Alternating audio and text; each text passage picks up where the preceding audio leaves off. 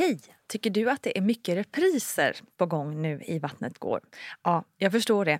Det beror helt enkelt på att jag, Nina Campioni, just nu har en pop-up second hand i Modgallerian i Stockholm. Så min tid räcker helt enkelt inte tid att göra så många avsnitt som jag hade önskat. Men tills jag är tillbaka på full tid, kom gärna och hälsa på mig i Modgallerian. Vi ses! Hallå hallå och välkommen till ännu ett avsnitt av Vattnet går med mig Nina Campioni. Hoppas att ni alla mår bra och jag vill gärna passa på att tacka er för att ni är så himla härliga och peppande och kommer med fina kommentarer på Instagram. Fortsätt jättegärna med det. Och fortsätt gärna också tipsa om gäster som ni vill höra. Eh, jag kan ta och avslöja att eh, hovet har tackat för frågan men att kronprinsessan Victoria tackat nej till att medverka. Mycket tråkigt. Men eh, jag vet ju att det är väldigt många av er som vill höra just hennes story och det vill ju naturligtvis jag också. Vi kanske kan starta någon form av upprop eller något. Vi kan ju ta och fundera på det tycker jag. Alright, vi går snabbt över till dagens gäst. Hon är glad, hon är rolig, hon är dansare, hon är programledare, hon är Karin da Silva. Karin har sonen Theo som snart är två och ett halvt år och nu kommer det bli snack om slemproppar och annat mys. Med oss är också som vanligt Gudrun Abascal som är barnmorska och grundare av BB Sofia som hjälper till att förklara lite saker under tidens gång. Så let's roll! Här har ni Karin da Silva. Selling a little or a lot? Shopify helps you do your thing however you cha-ching. Shopify is the global commerce platform that helps you sell at every stage of your business. From the launch your online shop stage to the first real life store stage, all the way to the did we just hit a million orders stage. Shopify is there to help you grow. Shopify helps you turn browsers into buyers with the internet's best converting checkout. 36% better on average compared to other leading commerce platforms because businesses that grow grow with Shopify. Get a $1 per month trial period at shopify.com/work. shopify.com/work. Ready to pop the question? The jewelers at BlueNile.com have got sparkle down to a science with beautiful lab-grown diamonds worthy of your most brilliant moments. Their lab-grown diamonds are independently graded and guaranteed identical to natural diamonds, and they're ready to ship to your door. Go to Bluenile.com and use promo code LISTEN to get $50 off your purchase of $500 or more. That's code LISTEN at Bluenile.com for $50 off. Bluenile.com code LISTEN. Normally, being a little extra might be a bit much, but not when it comes to healthcare. That's why United Healthcare's Health Protector Guard fixed indemnity insurance plans, underwritten by Golden Rule Insurance Company, supplement your primary plan so you manage out of pocket costs. Learn more at uh1.com. Hey, I'm Ryan Reynolds. Recently, I asked Mint Mobile's legal team if big wireless companies are allowed to raise prices due to inflation. They said yes. And then when I asked if raising prices technically violates those onerous two year contracts, they said, What the f are you talking about, you insane Hollywood ass? So to recap, we're cutting the price of Mint Unlimited from $30 a month to just $15 a month. Give it a try at mintmobile.com slash switch. $45 upfront for three months plus taxes and fees. Promo for new customers for limited time. Unlimited more than 40 gigabytes per month. Slows. Full terms at mintmobile.com. Ja, Karin, du har Theo, två år och tre månader just nu Precis, när vi precis. sitter här. Har du alltid velat ha barn? Ja, det har jag. Jag har alltid sett så här, en dröm som jag hade sedan jag var liten var att bli mamma. Hur uttryckte sig den drömmen? Alltså, hur... Jag vet inte riktigt. Jag har alltid varit väldigt barnkär. Alltid liksom om man ser så här gamla kort när jag är runt tvåårsåldern, tittar ner i alla barnvagnar och liksom skulle ta hand om dockor och eh, var väldigt mycket barnvakt när jag var liten och så. Så väldigt, väldigt barnkär. Och eh, när det sen då blev dags, hur gammal var du då? Då var jag, när Theo kom var jag 28. Mm. Sen så, året innan var jag eh, gravid en gång till, eller vad man ska säga. Eh, men då, vi fick eh, missfall tyvärr i vecka 13 första gången. Okej. Ett eh, uteblivet missfall. Så Mm. det såg man på eh, ultraljudet att hjärtat hade stannat. Och då blev man ju så här, för man, sånt pratar inte riktigt folk om. Om Nej. missfall och sånt där. Utan det är så här, vi ska Verkligen. skaffa barn. Så puff så blir man gravid. Ja. Det är så Ehm, dumt. Ja, vi måste prata verkligen. mer om missfall. Absolut. Så då blev det lite så här, men shit, oj då. Det kan bli så här också ja. Men sen så blev vi gravida ganska snabbt efter typ tre månader. Hade ni försökt ett tag innan då, innan du blev gravid första gången? Eller Nej, var det... då blev det på första. Ja. Så då tänkte man att det skulle gå så lätt andra gången också. Mm. Och sen när det tog, ja, nu tre månader, ingenting. Men jag har väldigt kort cykel så det var väl typ fyra eller fem försök. Och då blev det så här, gud någonting är fel, de har opererat bort något när jag skrapades och de har tagit bort liv. Alltså man börjar ju tänka massa. Mm. Så kom man på sen, eller så var det bara att din kropp inte riktigt var redo. så, Började läkas lite. Ja men precis. Men hur var det då att få missfall rent känslomässigt? Hur gick tankarna? Grejen var hela den graviditeten, eller de 13 veckorna, så hade jag två gånger var inne på ultraljud för att jag hade småblödningar. Mådde inte illa, men jag hade så här ömma bröst och sånt där. Men jag kände mig liksom inte jättegravid. Och i och med att jag hade haft de här småblödningarna så hade jag i bakhuvudet att det kan vara något som är fel. Och på ett av ultraljuden som jag var efter jag hade haft en blödning då såg man att fostret var mindre så då liksom flyttade de fram datumet och då var det så här, fast det växer nog inte riktigt som det ska. Och sen när vi skulle gå in och göra kubtestet då i vecka 13 då hade vi ju som sagt gått in i vecka 13, allt hade gått bra trodde vi dittills. Så eh, då hade vi börjat så här, tala om för folk och det, ja. Och sen det sista jag säger innan vi går in på ultraljudet är, tänk om hjärtat har slutat slå. Och min man säger, men sluta det är väl klart att det inte har. Så går vi in, lägger oss där, hon gör, barnmorskan gör ett, eh, ett hjärta med sina gelé. Och så börjar hon leta. Eftersom jag hade varit på två ultraljud innan eh, i och med blödningarna så hade jag sett det här lilla hjärtat ticka och sånt där. Och jag såg inte det så jag kände att det är någonting som är fel här. Och Niklas som inte hade varit med på något av de tidigare ultraljuden han sa oj shit, stod så och tittade och barnmorskan var bara helt tyst och då började jag gråta. Och då fattade Niklas att det är någonting som är fel liksom. Och barnmorskan sa, jag är ledsen men jag ser inget hjärta som slår. Och då bröt ju vi ihop såklart. Men sen man blev väldigt väl bemött. Jag fick träffa en annan läkare bara några timmar senare som gjorde ett vaginalt ultraljud. Eh, som bekräftade samma sak då, att fostret var dött. Och eh, sen så fick jag tid för skrapning. För jag ville inte ta tabletter. Jag ville liksom inte känna att det kom ut om man säger så. Jag ville bara få det överstökat. Och och det man hade sett var att hjärtat hade slutat slå typ dagen innan. Eh, så det var väldigt, eh, väldigt tajt inpå där. Vilket var ganska skönt. För de tre dagarna fram till skrapningen, bara den känslan att gå runt med dött foster i magen, det var fruktansvärt. Men man blev väldigt, väldigt väl bemött. Eh, både då på av barnmorskorna där och läkarna där och sen även när jag skulle göra skrapningen. De var väldigt så här, stöttande och sånt. Man kommer in, blir nedsövd, 20 minuter senare så är det över. Liksom. Och så går man hem och så är allting bara som vanligt inom citationstecken. För jag hade inte särskilt ont och sånt där, lite mensvärk typ efteråt. Och sen dagen efteråt bara börja jobba igen. Det var jättekonstigt. Som om Eh, inget har hänt. Ja men precis, samtidigt som väldigt mycket har hänt. Och då gick jag igenom alla de här 13 veckorna liksom i huvudet och vad har jag gjort och har jag ätit någonting? Och någon vecka innan hade jag så gått in i ett bord, eller jag skulle lyfta ett bord och så bordet hade slått i en vägg så jag fick liksom bordet i magen. Och jag frågade läkaren, kan det vara på grund av det? Och de bara, ingenting är ditt fel. Du har verkligen inte gjort någonting fel överhuvudtaget. Du ska kunna typ bli sparkad i magen av en häst och det ska fortfarande, det ska inte påverka fostret. Ehm, så det var ju att fostret, det var inte friskt helt enkelt. Det var tungt, jät- jättejobbigt. Eh, men när jag liksom hade gått igenom allting så kände jag så här, fast det är inte mitt fel. Det är sånt här, det är livets gång eller vad man ska säga. Ja, men då när man började prata om det, då var det ju var och varannan person. Liksom, Gud, jag har också fått missfall. Det är det som är så intressant. Att Ja. man tror, innan jag började med den här podden så, så hade jag ingen aning om att det var så vanligt. Men Nej. det är ju verkligen så. Var och varannan människa har varit med om ett eller flera missfall. Mm. Men det snackas inte om det. Nej. Det, Det är så sorgligt. Jag vet inte om det är att man så här skuldbelägger sig själv eller att det bara är jobbigt att prata om. Mm. I början när jag pratade om det, då kunde inte jag prata om det utan att gråta.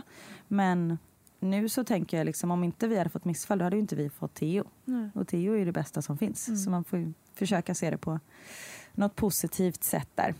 Det är klart att man fattar att det är jobbigt att prata om det men det är också så att vi är så himla rädda för känslor, att visa Mm. känslor. Vad, vad gör det om man gråter med sina vänner? Alltså, Ja, men precis. så, det borde ju vara jätte, bara bra och accepterat. Ja. Och det som jag tror att folk känner lite också är att men om jag säger att jag har fått missfall och visar att jag är ledsen, vad, då kanske jag gör den andra personen obekväm. Mm. Men som, man behöver inte säga någonting, det räcker med en kram. Exakt. Eller bara, fy fan vad jobbigt. Ja. Usch. Precis, jävla orättvist. Ja. Men var det aldrig några tveksamheter om att ni skulle försöka direkt igen? Nej, det, vi var liksom, det var typ det första frågan, när kan vi börja försöka igen? Eh, och då sa han så här, men vänta en mens, sen kan ni börja igen. Och då, då jävlar, då. Men då var det också lite så här, för första gången, nu går jag in på mitt sexliv här, men första gången då var ju Underbart. allting så, då var ju allting så spännande för det var så här, men gud tänk om det kanske blir en bebis och så här. Men andra gången, speciellt när det liksom inte gick första gången och andra gången, då blev det verkligen så här, äh, men nu måste vi ligga, nu får vi ligga här i tre dagar liksom. Det blev lite, Power through. ja, det blev lite så här maskinellt. Mm. Kanske inte det mest romantiska men eh, häftigt ändå. Men hur kände du sen när du blev gravid? Alltså, eh, kände du några rädslor på grund av att du hade fått Hela en- tiden. Ja. Jag sa eh, så här, ja men jag är gravid och om allt går som det ska. Det sa jag tills vi kom in på sjukhuset Mm. Liksom, i vecka 40. Mm. För jag visste ju att det är väldigt vanligt, det kan hända. Och i och med att jag hade fått ett uteblivet missfall, eh, det vill säga att jag hade ju inte märkt att jag hade fått missfall. Eh, så varje gång jag var hos barnmorskan och liksom skulle lyssna på hjärtat och sånt där, jag var ju så nervös och det fanns inte. Ja, det förstår jag verkligen. Ja, och sen, då, sen hade jag så här milstolpar typ vecka 25. Här, vecka 25 då kan man rädda, då kan man rädda ett barn i magen. Eh, så hade jag liksom såna men, datum som jag hängde upp mig på. Mm. Men sen är det klart, jag var ju jätteglad hela graviditeten. Och den, här, den andra gången då kände jag mig mer gravid också. Okej. Eh, jag mådde illa och gick upp på nätterna och kräktes. Så det var bara så här, yes! Varje spya är en bra spya, då sitter det där det sitter. För var, jag kunde liksom fortsätta. Det, man har ju hört om vissa som, som bara kräks konstant och mår hur dåligt som helst. Så var det verkligen inte. Utan det var liksom, ja, jag mådde illa, kräktes lite och sen var allting fine. Eh, ja. Härlig inställning. ja, man måste vara positiv. Ja. Jag är så här jobbigt positiv. Folk hatar mig för det. Men ja, sån är jag. Göteborgare. Ja, Ja, precis. men gud vad härligt. Mm. Men eh, förutom att du var positiv och spydde lite ibland, då, hur var du annars som gravid? Jag tror att jag var som vanligt. Jag var hormonell, men det är jag i vanliga fall också. Eh, Jag hade väldigt lätt till tårar. Men jag var inte sån som liksom kastade porslin och sa att min man var en idiot och sånt där. Utan jag var med. Det, det- en liten, eller ganska stor detalj i det här var att precis så här i vecka 38 då började de med stambyte i vår lägenhet. Så vi var tvungna att flytta in till min mamma. Ganska speciellt. Nu var min mamma bortrest ganska mycket under den här tiden men i slutet så bodde vi ihop. Liksom. Men då fick jag så här, för då, då fick vi flytta dit allting för det gick inte att vara i vår lägenhet. Och då flyttade vi, vi har en hund också som heter Leia. Som är liksom, och jag hade redan innan dåligt samvete för att säga, men gud nu ska jag tänkte säga att du ska få ett syskon, det ska jag inte säga. Oops. Um, nej, men nu kommer det en till familjemedlem och hur kommer hon ta det och tänk om man inte har samma tid för henne. Så jag hade redan dåligt samvete för det där. Och så var det någon dag då vi så här precis hade flyttat och jag sitter där stor som en val på mammas säng och bara tänk om inte Leia trivs här. Och bara började storlipa och Niklas var så här Okej, vad ska jag säga nu? Man såg så här, hur han trippar på tårna och bara så här, jag får inte säga någonting så det blir ännu värre. Jag måste peppa men ändå ha förståelse. Så det var mycket sånt, mycket tårar eh, för att jag blev ledsen för någonting och sen började jag asgarva för att jag började gråta för ingenting och väldigt mycket så här och dalbana men inte, jag var inte arg och sånt. Och hade inga konstiga cravings och, eller, jo det hade jag visst, det kommer på nu. Mycket citron. Jag kunde käka hela citroner. Jag bara, Jaha, alltså det var så uh. gott. Ja, jättekonstigt. Och det kan du inte göra nu Nej eller? gud, nej, det är jättesurt. eh, men jag tror att jag behövde väl C-vitamin ja. antagligen. Ja, antagligen. Och så var det någon vecka som jag dricker inte mjölk förutom i kaffe. Eh, och jag, så, jag måste ha mjölk så jag bara stod och pimplade mjölk och Niklas var så här, vad i helvete händer här? Eh, och då läste vi lite och just den veckan så bildades eh, fostrets skelett. Så det var väl Alltså, att man... gud det är ja, men det är så häftigt. häftigt. Man borde Ja. verkligen lyssna på sin kropp oftare. Som, just nu behöver min kropp väldigt mycket smågodis tror jag. Ja, ja, det är konstigt. Kommer Ja, lite så varje dag. verkligen. Jättekonstigt. Mm. Ja, men det låter ju som att du har haft en, en ganska skön graviditet då. Det hade jag absolut. Sen hade jag ju foglossning ganska Okej. tidigt. Eh, från vecka 12 typ. Och sen var jag väldigt stor. Från vecka 12 så såg man att jag var gravid. Okej. Ja. Då, men jag tror att det var i och med att jag hade varit gravid ganska tidigt, liksom ganska tätt inpå, så fattade väl kroppen att jag, så här, nu är hon gravid. Mm, så pff, mm, så mm. fick jag mage direkt. Och sen, ja, men från månad 6-7 då var folk så här, oj, dags snart. Man bara, nej, håll käften, det är tre månader kvar. Alltså, vet, varje dag fick jag, är du säker på att det bara är en? Ja, det är jag. Alltså, vet, man blir så trött. Hallå tjockis, jag är inte tjock, jag är gravid. Lär er hur ni talar till gravida kvinnor där ute. Precis, Alltså, bara herregud. komplimanger och säga att man är jättefin. Ja. Även om man ser ut som en strandad val som jag gjorde. Verkligen. Och sen så spelade jag in ett program som hette Kändishoppet. Det var väl det var vecka 37 eller någonting och det spelades vi in, spelade vi in i en simhall som var 42 grader varm. Eh, stod där och då, då svullnade jag upp som bara den. Jag, de sista programmen fick jag inte ens på mig flipflop.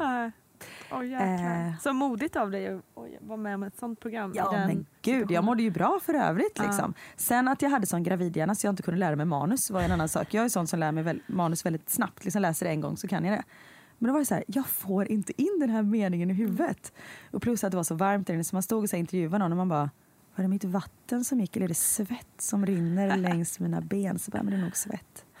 Eh, det var speciellt, men det gick det med. Och jag är sån, jag vill inte riktigt klaga. Så efter ett tag jag var så här, förlåt jag vill inte klaga men går det att få en stol mellan tagningarna? De bara, men gud det är klart du ska få en Det stol. är väl det minsta man kan Så, begära. ja.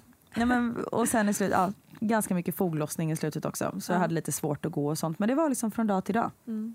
Ena Men i och med att du fick foglossningen där i den veckan, det där var det inte så att du hade problem att gå och så, utan, eller hur kände du Nej jag det? kände, alltså det var så här, jag låg i vissa ställningar och Ja. går ner för trappor. Och, men det var också från dag till dag. Ena dagen så var det så här, nej men gud idag kan jag inte gå. Och Mm. nästa dag, man, men gud vad klagar du på? Jag känner ju ingenting. Mm.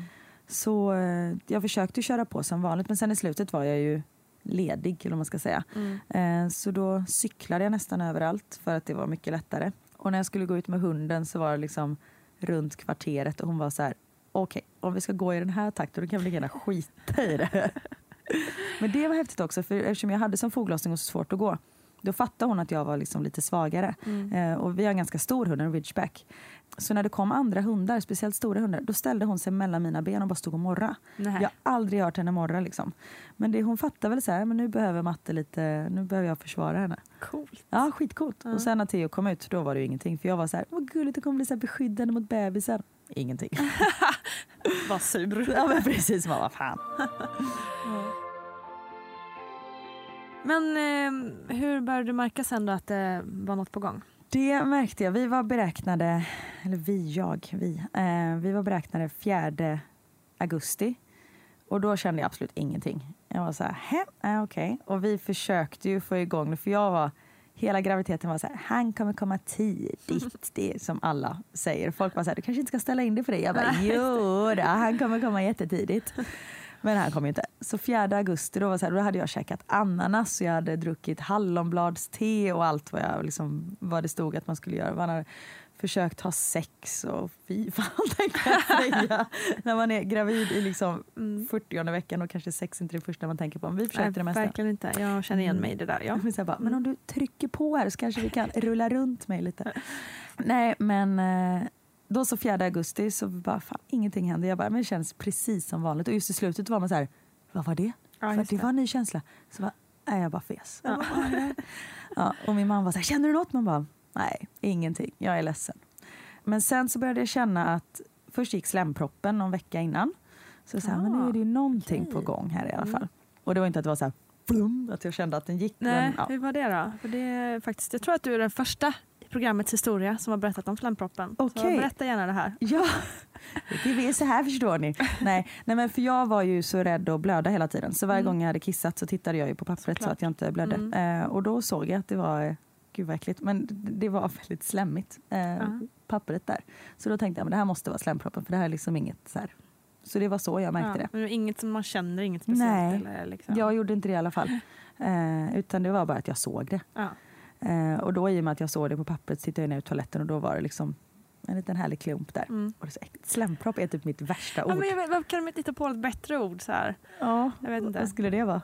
Jungfru... Eh, det är jättekonstigt om det är jungfru. Ja, Ja, det gör det faktiskt. Det var helt fel. införa det. Så. Slampbäret. Nej, jag skojar bara.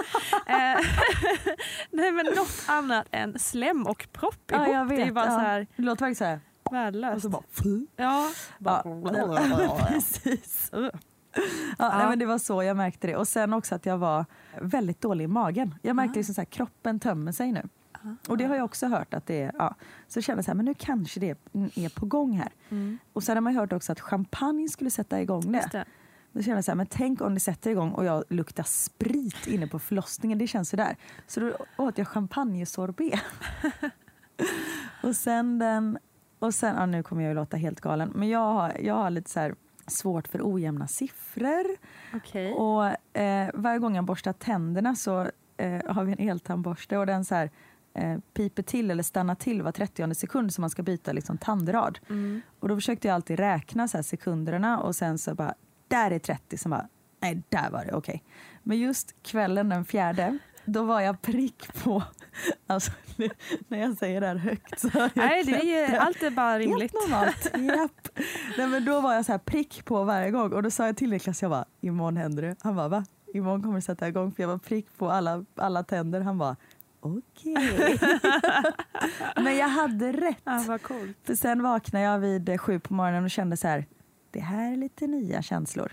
Eh, och då gick jag upp och jag ville inte väcka Niklas för han var, ja, han var ledig. Så han var hemma.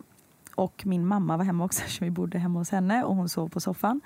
Och då sa jag till mamma sen när jag kom upp att jag tror inte att vi är här när du kommer hem. Och det var så oj då, hur känns det? Jag bara, jo men det, jag bara, det känns helt okej men jag har liksom så här lite molande verk. Eh, och i och med, jag hade inte haft några förverkar eller någonting överhuvudtaget så jag kände liksom så här, men this is it, nu händer det. Mm.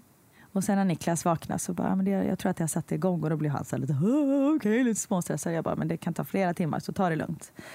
Och eh, oj vad rätt jag hade. Vad många timmar det tog. Ja. Ja, nej, men Hur, jag bara fråga, hur många dagar har det gått över då? en bara. En så detta dag var bara. 5 Aha, okej. augusti. Oh, wow, all right. Så det var eh, helt okej. Mm. Men jag kan också tillägga att detta är som sagt augusti 2013. Det var inte en dag det var under 30 grader. Ja, just det. Det var så varmt Mm. så det var liksom... Åh, jobbigt när man är stor. Och... Ja, och det är fy. Jag låg ju bara på mammas soffa liksom och, Mm. Och käkade ananas och drack te. Och sen när solen hade gått ner då var Niklas så här Ska jag gå ut och valla dig lite? Och man bara, ja, men det kan vi göra. Så han gick så här och tryckte på mig typ, så jag kom någonstans. Men jag behöver lite frisk luft. Men Så jag var väldigt klar med att vara gravid och var sjukt pepp inför förlossningen. För jag är inte sån som är rädd för smärta och jag är ganska hög smärttröskel. Jag visste att det här kommer göra jävligt ont men fan vad coolt det ska bli. Hade du förberett dig på något annat sätt? Eh, vi hade gått profylaxkurs. För jag gillar liksom att vara förberedd och veta vad som händer. Samtidigt som vi hade inte ställt in oss på någonting. För en förlossning det blir ju aldrig som man har tänkt sig. Så jag var liksom förberedd på allt. Jag hade läst på om kejsarsnitt och läst på liksom vanliga förlossningar och om barnet ligger snett och bla bla bla. Och gått med vanliga föräldrakurserna. Så jag kände mig, liksom, kände mig lugn och mer att det var att jag var laddad. Och sen så verkarna fortsatte ju och det blev liksom starkare och starkare verkar men de var så jäkla oregelbundna. Mm. Och vi ringde in till BB Stockholm där vi helst ville föda och de var så här, nej men var hemma och ta det lugnt. Jag sa, men finns det plats? Ja, som det ser ut nu finns det plats. Det kändes som att alla skulle föda precis samtidigt och att inte folk hade fått åka typ till Eskilstuna och föda barn. Jag var så här, men det orkar jag inte göra. Så då gick vi hemma och ibland var det två minuter mellan verkarna och ibland var det tre timmar. Och Så vi bara så här, Wow, ja, ja, vi får okej. vänta liksom. Jag kände att ja, men jag har läget under kontroll. Och det var någon gång jag pratade med min bror där under tiden och han har, nu har han två barn, men då hade han ett barn. Och han var så här, men på en skala från 1 till 10, hur starka är verkarna? Och jag bara, men typ 7, 8. Han bara, om du tänker på den smärtan nu, det kommer vara en tvåa sen. Jag bara, vad fan. Han bara, Tack för peppen. Tyvärr, ja, precis. Han bara, men bara, det är lika bra att ställa in det. Det blir bara värre hela tiden. Jag bara, okej, men då ställer jag in mig på det då. Nej, och det, det, liksom, det blev aldrig regelbundet. Och min mamma försökte hålla sig borta från lägenheten för hon var så här, men det här är liksom eran grej, ni får klara det här. Och jag duschade och jag tog Alvedon, men jag hade liksom fortfarande läget under kontroll. Och åt och sov och ja, allt vad man kunde göra. Och sen till slut vid tolvtiden på natten kom min mamma hem för då kunde inte hon vara hos sin kompis längre. Så hon var så här, men jag går och lägger mig på soffan. Vi bara, ja men absolut. Och mamma var så här, men ni ska inte åka in ändå? Liksom, ni har ändå hållit på ganska länge. Jag bara, nej men det är lugnt liksom. Och jag försökte, för i och med att jag är gammal dansare så gillar jag att röra på mig och då känner jag att jag har så här kontroll på läget. Så jag gick runt och dansade, kommer jag ihåg, och hängde i dörrposten och du vet, ja. Och Niklas var med mig i varje verk eh, och liksom peppa och sånt. Och sen när klockan blev ja, typ runt ett, då var jag så här, fast nu kan jag, när jag pratade med eh, förlossningen i telefon, så här, men nu kan jag inte prata längre genom Nej. verkarna så nu är det nog dags att åka in. Och det fanns plats och så. Eh, och då packade liksom Niklas väskan och vi hade ju Alltså den här jävla BB-väskan, det var ju som om vi skulle vara borta, typ tågluffa i sju månader någonstans. Vi hade ju med oss allt. Nej men då när Niklas gick ner med väskan där vid, eh, vid ett-tiden, då bad jag mamma hålla så här verkappen. Och då, detta har hon berättat i efterhand, då såg hon att det var så här, nej men det är en minut och 50 sekunder mellan verkarna. Så hon var ju mentalt förberedd på att förlösa mig i hallen. Ja, Hon bara, nu ja, händer det liksom. Ja. Eh, Så hon var ju superstressad samtidigt som hon var så här, jag kan ju inte lägga mig i och bara nu måste ni liksom åka in. För hon var så här, men de har väl koll på läget hoppas jag. Tills hon såg den jävla verkappen och bara, "Nej, men nu måste, alltså seriöst, nu åker ni. Och så stod hon där i fönstret och vinkade och vi var så här, gud coolt, nu ska vi få en bebis snart. Och åkte in och de höll på att bygga om på den här vägen från, från mammas lägenhet ut till motorvägen. Så det var så jävla skumpigt och jag satt där i baksätet för då hade vi monterat liksom bilstolen, babyskyddet i framsätet. Och det gjorde så jävla ont när, man, när det var så skumpa så mycket. Man bara, äh, fy fan! Och eh, Niklas var ju supernervös och väldigt eh, laddad. Och så parkerar bilen och går in där på BB och tog massa verkar på vägen och någon barn, eh, barnmorska mötte oss. Och så tog jag liksom några verkar på vägen och så hon bara jättebra, det här är hur bra som helst. Man bara okej. Och så kom vi in där och gjorde oss hemmastadda i rummet. Eh, jag blev undersökt och de var så här, oj du är öppen sju centimeter.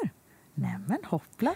Jag kommer ihåg att jag gav Niklas high five. Nu efterhand man bara, en high five, fy fan vad töntigt. Men, ja, det var min reaktion på det i alla fall. Eh, fick testa lustgas och började asgarva för det var ju superkul. Det kändes som hela ansiktet bara drog ihop sig. Och så var jag så här, men du är uppe sju centimeter, ni kommer ha bebis några timmar. Och vi bara, åh fan vad coolt. Eh, och så badade jag lite och sådär. Och jag, Kände du fortfarande då att du hade hyfsad kontroll på Ja, verkarna? det kände jag. För jag var, innan hade jag skrivit så här i förlossningsbrevet att jag vill ha all bedövning som finns. Jag har ingen prestige där överhuvudtaget. Varför ha mer ont än vad man behöver? Mm. Sen som jag kände att nej, men jag, har, jag har läget under kontroll. Jag behöver liksom inget. Jag klarar mig med lustgas. Mm. Men sen så gick tiden och han ville inte sjunka ner. Han låg alldeles för högt upp. Och det gjorde han, även, jag var öppen 10 centimeter och eh, ingenting hände liksom. Och de tog hål på hinnan så vattnet gick. Alltså jag var så vattenfylld. Jag hade så mycket vatten. När man satt på den här, när man satt ju på någon typ handduk eller någonting. De var tvungna att byta den hela tiden för jag bara låg och plaska i mitt eget vatten. Jag kommer ihåg att jag sa till Niklas, jag bara Alltså jag är ledsen, kan du någonsin se mig på ett vanligt sätt igen? Han bara, du håller på att föda vårt barn. Alltså, du, Det här är fantastiskt. Jag kommer ihåg, då kände jag mig inte som den sexigaste kvinnan på jorden. Liksom. Och nu är allting lite blurrigt här kan jag säga. Jag kommer inte riktigt ihåg i vilken ordning allting hände. Jag fick ju liksom, man satt och man låg och man stod och jag satt på den här pallen någon gång. Finska pallen heter det va? Eh, Och Niklas var bakom och då var jag som sagt öppen 10 centimeter och bara försökte ta verkarna där och jag blev undersökt och sånt där och då helt plötsligt bara började jag blöda jättemycket. Och då hade de även satt en sån här grej på Theos huvud så man kunde mäta hans adrenalinnivå, är det man mäter då va? Och ehm, även så här hörde hans hjärtljud. Då, då blev det så här, du måste upp, du måste upp i sängen, du måste upp. Jag var så här, "Ah, vad är det som händer? Och jag var lite blurrig liksom och de fick typ lyfta upp mig på den här sängen. Och allting, då lugnade allting ner sig och sånt där igen. Men sen så var, låg han fortfarande för högt upp och då var väl klockan runt sju på morgonen tror jag. Så då hade vi ändå hållit på ganska länge. Eh, 24 timmar från när det hade satt igång. Och då var han så här, han ligger för högt upp. Och jag var hela tiden, jag bara, mår han bra? Bara, Han mår jättebra där inne. Jag bara, men då, då orkar jag köra på lite till. För även fast du var öppen 10 cm så hade du fortfarande verkar fortsatt? Liksom. Ja, gud ja. Och liksom, det hade inte gått över till krystverkar och sånt Nej. där, utan det var bara verkar hela tiden. Och, eh, så då var det så här, men vi vill ge dig lite epidural så du får eh, Vila vila lite. lite. Mm. Och jag bara så här, helt okej. Och jag kommer ihåg att den här narkosläkaren, han var så jävla snygg. eh, anledningen till att jag tyckte var väl antagligen för att han kom som en skänk för ovan och gjorde att jag inte hade ont mer. Och att du hade lustgas. Bara, "Woo!" Precis. Och jag kommer ihåg jag bara, gud vad snygg han var. Niklas bara, mm, kanon. och just när så här, nu ska du ligga still när jag lägger, när jag här, du får inte röra dig i verkarna. Man bara, men det är jättelätt. Mm.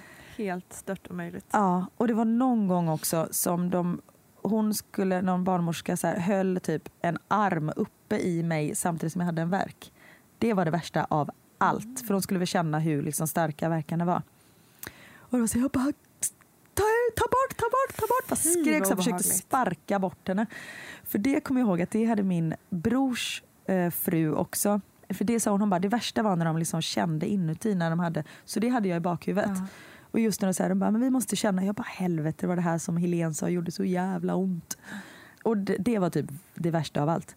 Men sen fick jag då den här lu- epiduralen och det var ju som en skänk från ovan. För då kunde jag titta på tv-serier och Niklas passade på att sova. Ja. Jag tittade på Shahs of Sunset, kommer jag ihåg. Det är typ som eh, The Real Housewives of Beverly Hills fast bara med massa persiska människor som är väldigt så här, drama, de slåss och det är fantastiskt roligt. Och då var 20 minut så var det någon som kom in och liksom, äh, men nu ska du lägga dig i den här ställningen och så, här, så att han skulle komma ner bättre då. Men sen ingenting hände. Han låg fortfarande för högt upp. Och jag kände liksom trycket neråt hela tiden men jag hade inte ont på det sättet med verkarna så det var liksom helt acceptabelt. Eh, och någon gång stod jag en sån här gå... Vad heter det när man står och liksom hänger över med armarna? En gång, gåstol eller något Ja, sånt där. precis. Mm. Och då stod jag så på ena benet, skulle jag så bara vikt, skjuta över vikten till andra för då stod Niklas och någon barnmorska och pratade med oss. Och då hade jag så tappat känseln i vänsterbenet så jag bara faller ihop på golvet och Niklas så fångar upp och de bara Vad fan gör du? Jag bara ha ha ha, jag har ingen känsel i det benet. Typ tyckte det var askul. De bara mm, kanonkul. Och det är en sak med mig också att när jag blir så här, när jag märker att folk blir lite stressade då börjar jag skämta hela tiden. För sen skulle jag, det kom in, gud, nu pratar jag jätteosammanhängande här, förlåt. Det är helt okej. Ja, vad bra. Eh, för som sagt, allt är lite blurrigt. Ja men det blir ju det. Det är en sån grej som bara är, det bara händer saker och man tappar i koncepten. Ja, men inte. precis. Och man, kommer inte, man har inget tidsbegrepp överhuvudtaget. Men då eh, så var det en läkare som kom in och bara, vi vill att du ska testa och krysta. Och typ fake-krysta för att se om man kommer längre ner. Jag bara, okej. Bara, du ska tänka att du skjuter ut en tampong.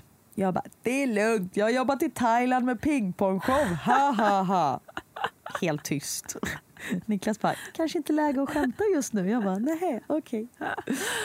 Och då började epiduralen sluta verka också. Så då, hade jag så här, då kände jag allt och ingenting. Mm. Och just att det känns som att man ska bajsa ut en pilatesboll. För man hade ju ingen aning. Jag tänkte så här, men det gör väl ont i shishit, alltså i, eh, i slidan liksom. Mm. Men jag hade bara ont där bak. I rumpan och i ryggen.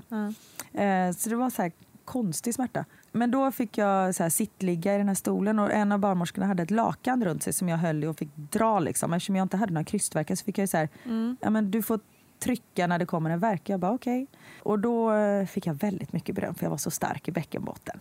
Härligt. Tackar, Bra tackar. Karin. Ja. Ah. Eh, och det har väl fått med all danssäsong och sånt där. antar jag. Men, och då krystade jag på där. Och då märkte man att varje gång jag krystade, krystade liksom tryckte, då kom hans huvud längre och längre ner. Okej. Och sen med en gång jag slutade så åkte han Ah. tillbaka. Och där höll jag på. Jag trodde att jag höll på i kanske 20 minuter. När jag läste journalen sen, jag höll på i två och en halv timme. Va? Och jag höll på att krysta. Åh gud. Ja, och eh, ingenting hände. Och de pratade om att de skulle ta sugklocka. Mm. I och med att jag var så stor så trodde de att han skulle ligga runt 4,5 kilo ungefär. Och att han låg så pass högst upp att de vågade inte göra det för då är det ganska stor risk att han, eh, så här, nyckelbenen och sånt går av på dem. Så då efter mycket om, var så här, men Krysta vi kör, liksom, vi kör en halvtimme till. Ja okej. Så här, Du kände att på. du hade ork liksom ändå? Ja, typ. Och det, det som var jobbigt också var att eftersom man låg så högt upp så låg jag liksom och tryckte på mina lungor så jag kunde inte andas. Så jag kommer ihåg att jag låg liksom och tryckte med händerna ner mot honom för att jag skulle kunna andas. Eh, och så trodde jag väl att det skulle hjälpa att trycka ut honom också, vilket det verkligen inte gjorde. Men då efter några timmar där, så de bara, vi har bestämt oss för att vi, eh, vi måste snitta dig. Mm. Och först var det så här, fan vad jag är värdelös, jag klarar inte det här liksom. Åh, gud. Ja. För då började de tänka att han ligger för högt upp men också att han skulle kanske kunna ligga fel och att det är därför han inte kom ner. Så då rullades jag iväg på operation och de verkarna var det värsta. För då hade all epidural slutat eh, verka och just att jag visste att de här verkarna de är inte till för någonting. Nej, det är bara precis. liksom, nu har jag bara ont. För annars tänkte jag varje verk är en verk närmare bebisen. Varje Mm. verk hade det som ett mantra liksom. Men då var det så här, de här verkarna de var bara totalt värdelösa. De bara gjorde så jävla ont. Eh, så då rullades jag upp på operation. Och eh, det var ju typ 100 pers i det här rummet, eller 12 tror jag de var. Alla så här presenterade sig när man låg där och det var skitläskigt. Eh, låg så hade vi en barnmorska som satt vid våra huvuden och så sa hon att ah, men först kommer de lägga ett snitt och sen så kommer de suga upp fostervatten så då kommer ni höra ett surplande ljud och sen kommer ni höra er bebis. Jag här, okej, coolt. Och jag kommer Niklas satt och klappade mig på kinden hela tiden så här. Kändes det skönt då någonting, liksom att du visste att nu är det snart Ja. färdigt? Eller Hur Absolut. kände du då? Eh, samt som jävligt läskigt också. De skulle liksom Ja. skära upp Ja. hela ens kropp. Och det frågade jag också när jag låg där. Jag bara, hur många lager är det ni skär igenom egentligen? De bara, vill du verkligen veta det? Jag bara, ja. De bara, det är nio lager. Nio Okej. lager? Ja. Som de sen syr ihop lager för lager. Ja. Eh, otroligt. eller om det var sju eller nio. Ja, många i alla fall. Mm. Men då så ligger man där eh, och det var två stycken läkare som stod liksom på varsin sida av magen. Och så de bara, nu lägger vi snittet, så la de snittet, så hör man det surplande ljudet. Och så var det bara tyst. Eh, och så en av dem sa, kan någon ringa på eh, barnläkaren? Nej. Och både jag och Niklas vi bara, vad fan är det som händer? Vad, vad händer liksom? Och sen hörde man det här barnskriket och det var ju liksom Gud. ja, men det bästa ljudet som någonsin. Och då brast det för Niklas. Han bara Åh! Och då började jag också storlipa såklart. Och då var det att han, han, han hade inte kommit någonstans typ. Han hade fastnat vid spinetaggarna. Vad innebär det? Spinet? Det är ganska högt upp.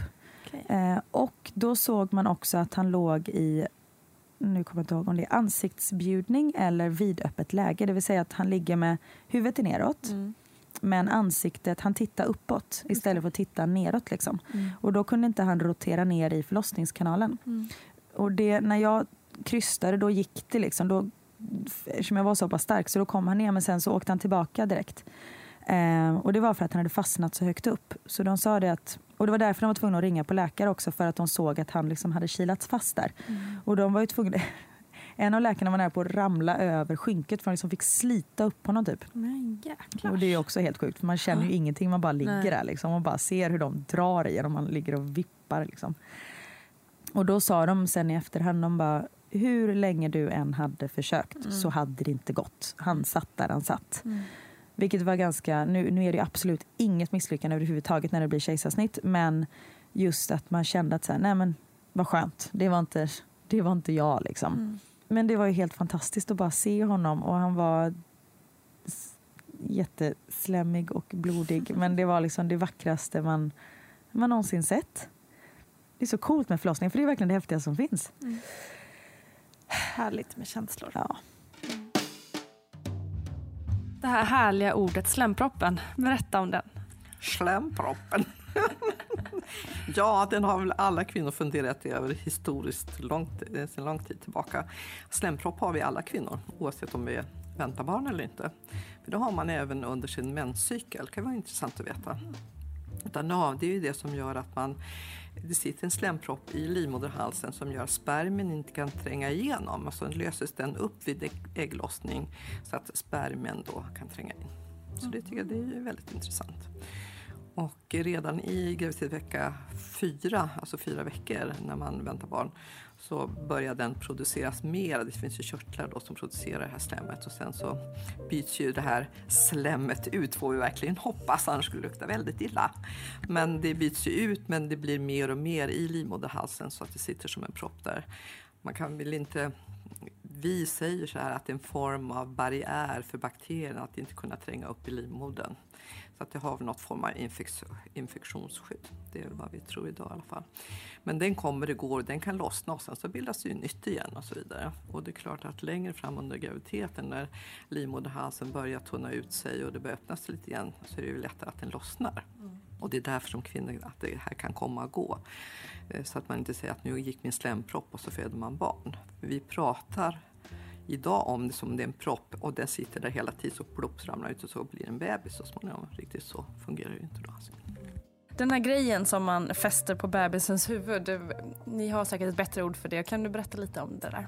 Det är en elektrod som man fäster mot barnets huvud. Skalp står ju för huvud och elektrod det är den här lilla metallbit som man precis fäster i huden på barnet. För att på så sätt registrera barnets hjärtfrekvens under förlossningsarbetet av och till. Spinartaggar, uttalar jag ens det rätt? Och vad är det för något? Spinetaggarna heter de. Och det är ju, vad ska jag säga, hela förlossningskanalen så kan du dela in i bäckeningången, spineknölarna och bäckenbotten. Barnet börjar sin resa i bäckeningången och sen passerar med huvudet ner mot spineknölarna. Och då kan jag säga, att har barnet passerat halvvägs i förlossningskanalen för sen mot spineknölarna ner mot bäckenbotten. Då är det dags att krysta.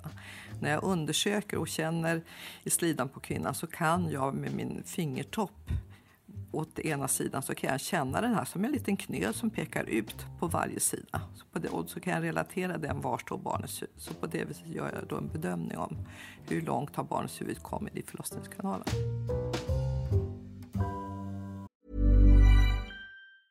Hey, I'm Ryan Reynolds. Recently, I asked Mint Mobile's legal team if big wireless companies are allowed to raise prices due to inflation. They said yes. And then when I asked if raising prices technically violates those onerous two year contracts, they said, What the f are you talking about, you insane Hollywood ass?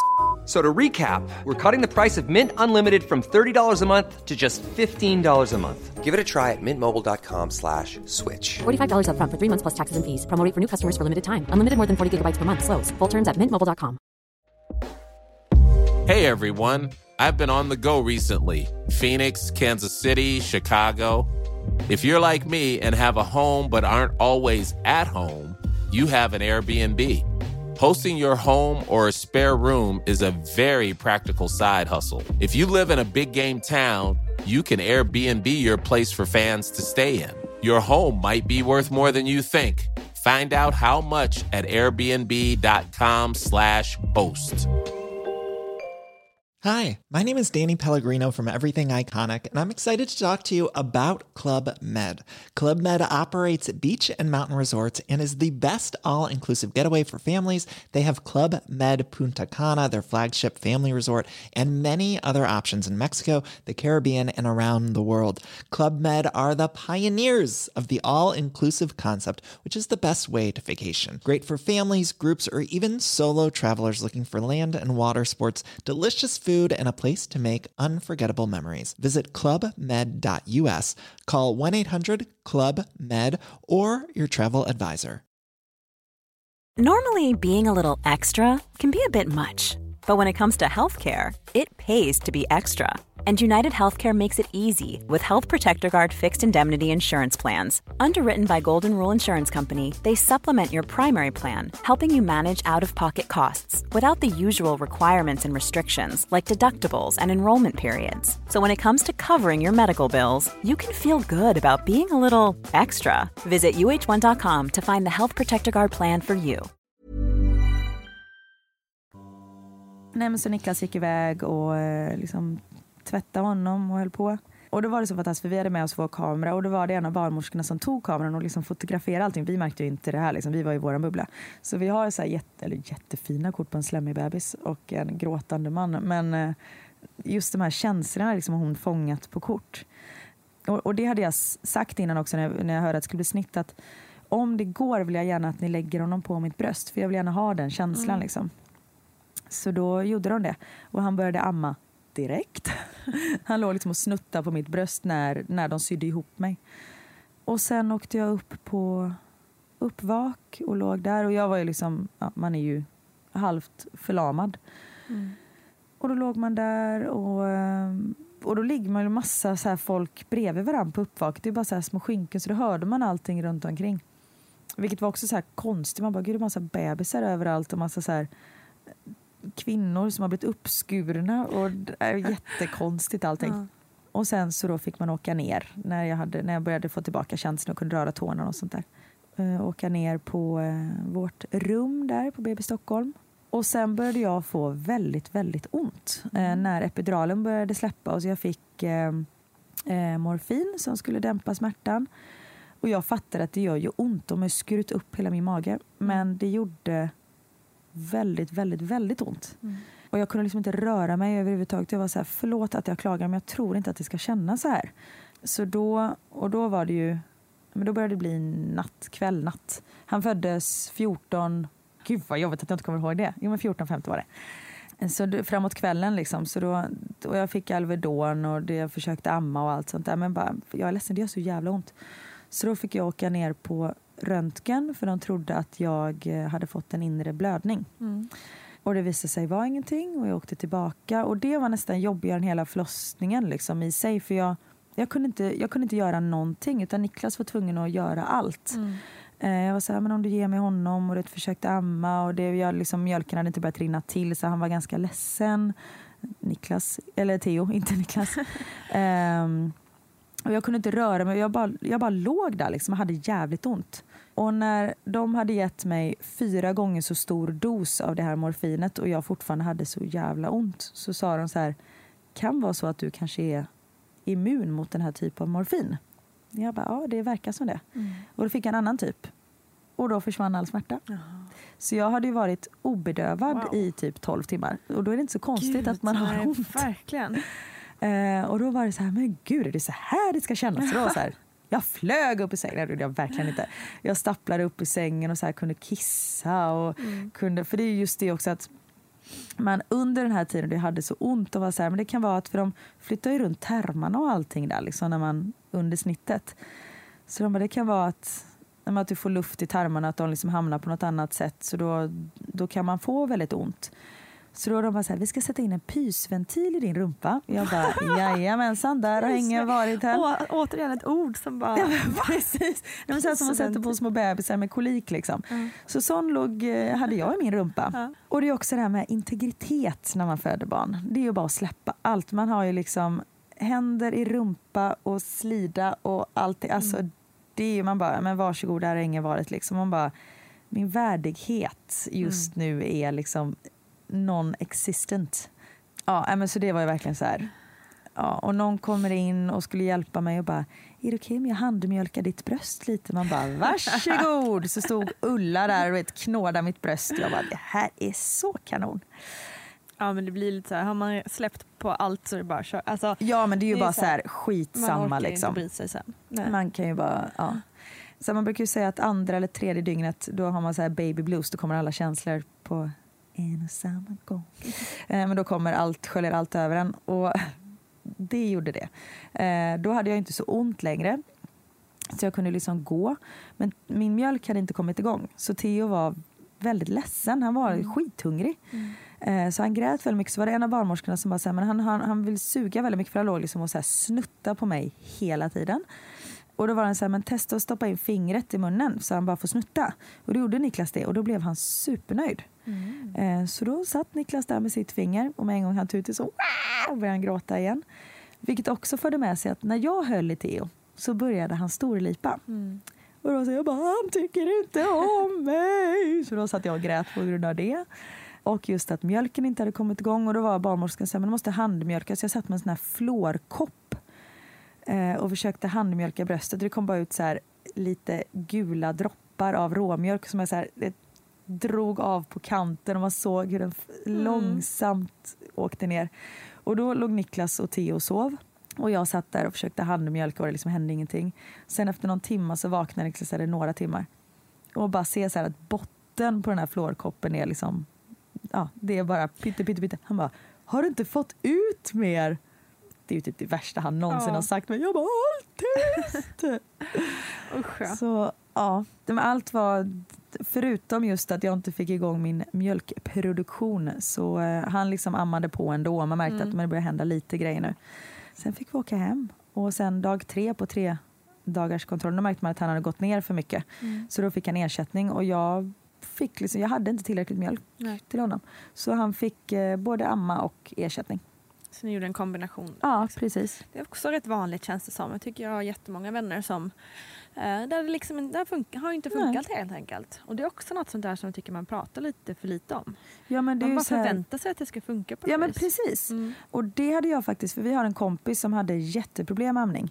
Och just hon bara, det här är ingen som pratar om liksom. Och då hade hon ju pratat med mig om det. Så Mm. jag var ju fullt medveten om att, att det kan vara svårt, att det Mm. gör jävligt ont. För det är ju inte jättemysigt att sitta och jag tycker det gjorde skitont i början. Ja, I liksom. början gör det Mm. absolut svinont.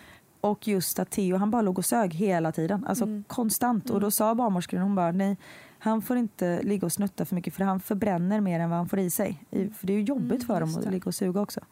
Så var det så här, ja, men du får amma en kvart på varje bröst och sen flaska. Man, jag hade ju timer liksom. Så här var tredje timme nu så.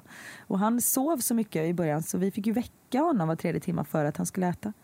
Men det här med ersättning, det tyckte jag var toppen. Mm. För det första Det att Niklas kunde göra det. Jag kunde, om jag skulle göra det, jag kommer ihåg jag var på Kristallen, tv-priset, när han var tre veckor gammal. Nu i efterhand, jag bara, hur kunde jag vara det? Men, ja.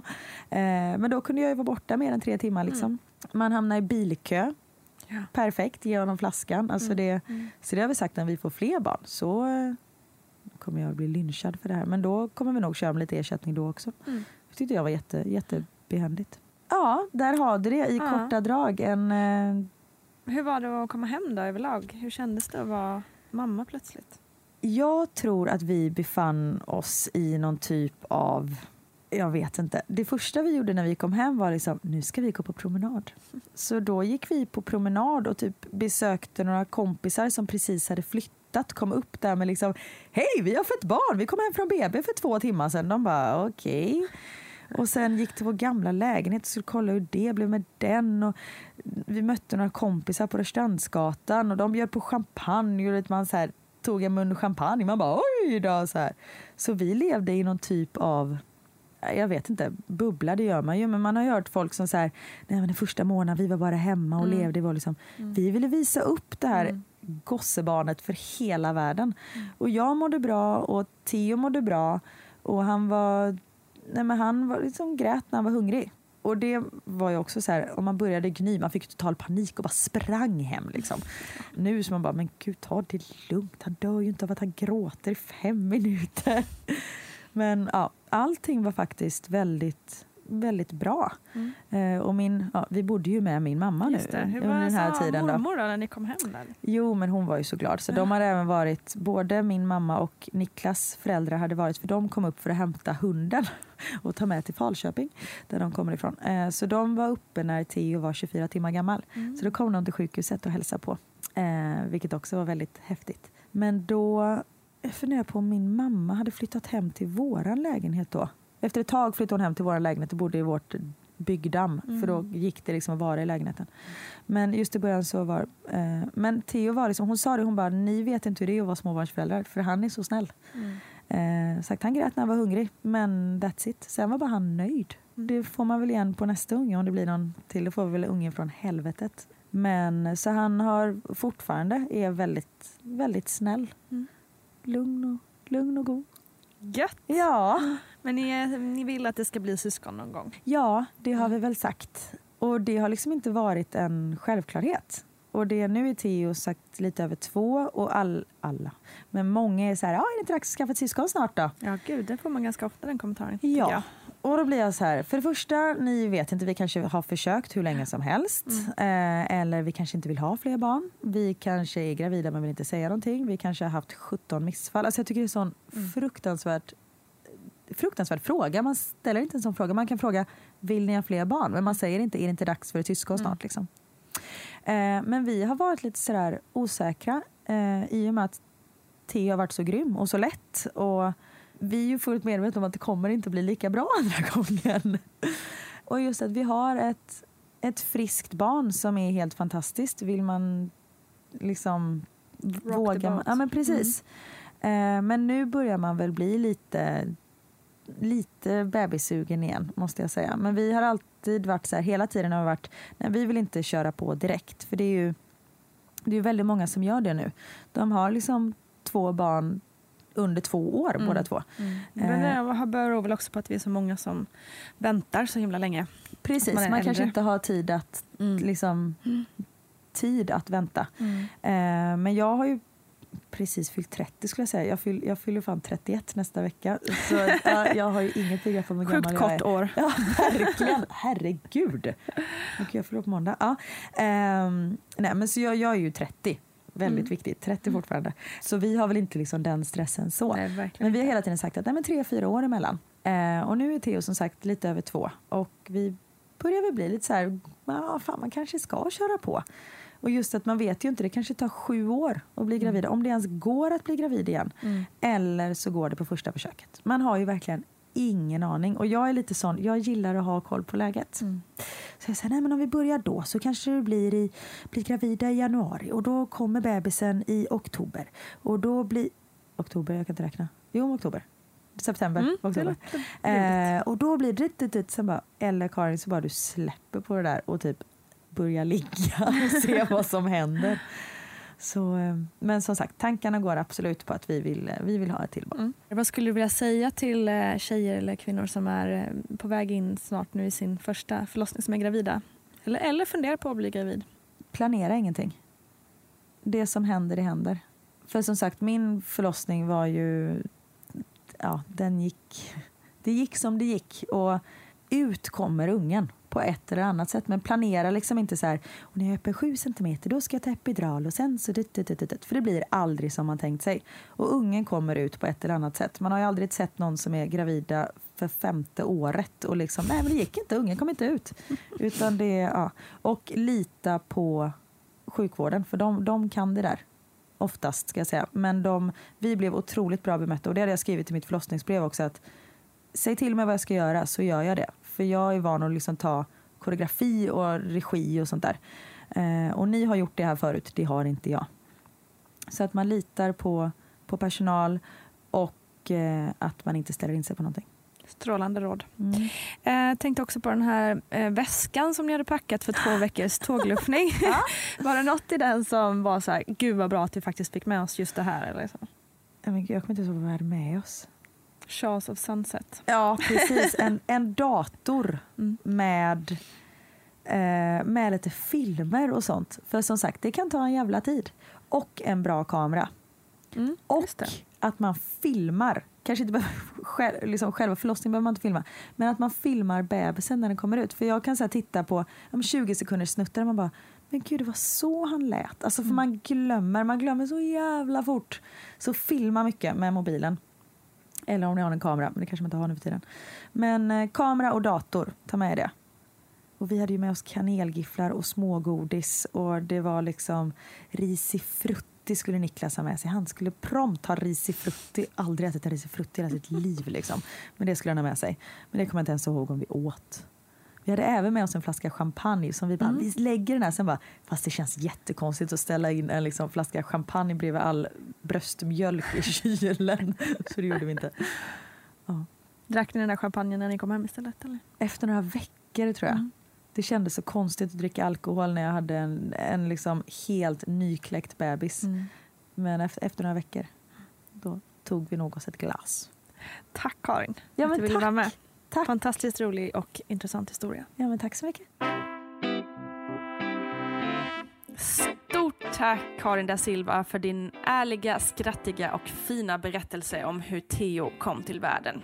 Tack också till dig som lyssnar. Du betyder verkligen allt för den här podden. I nästa program så möter vi superpersonen Hanna Videll och jag vet att det är många av er där ute som har längtat efter att höra hennes story. Så vi hörs snart.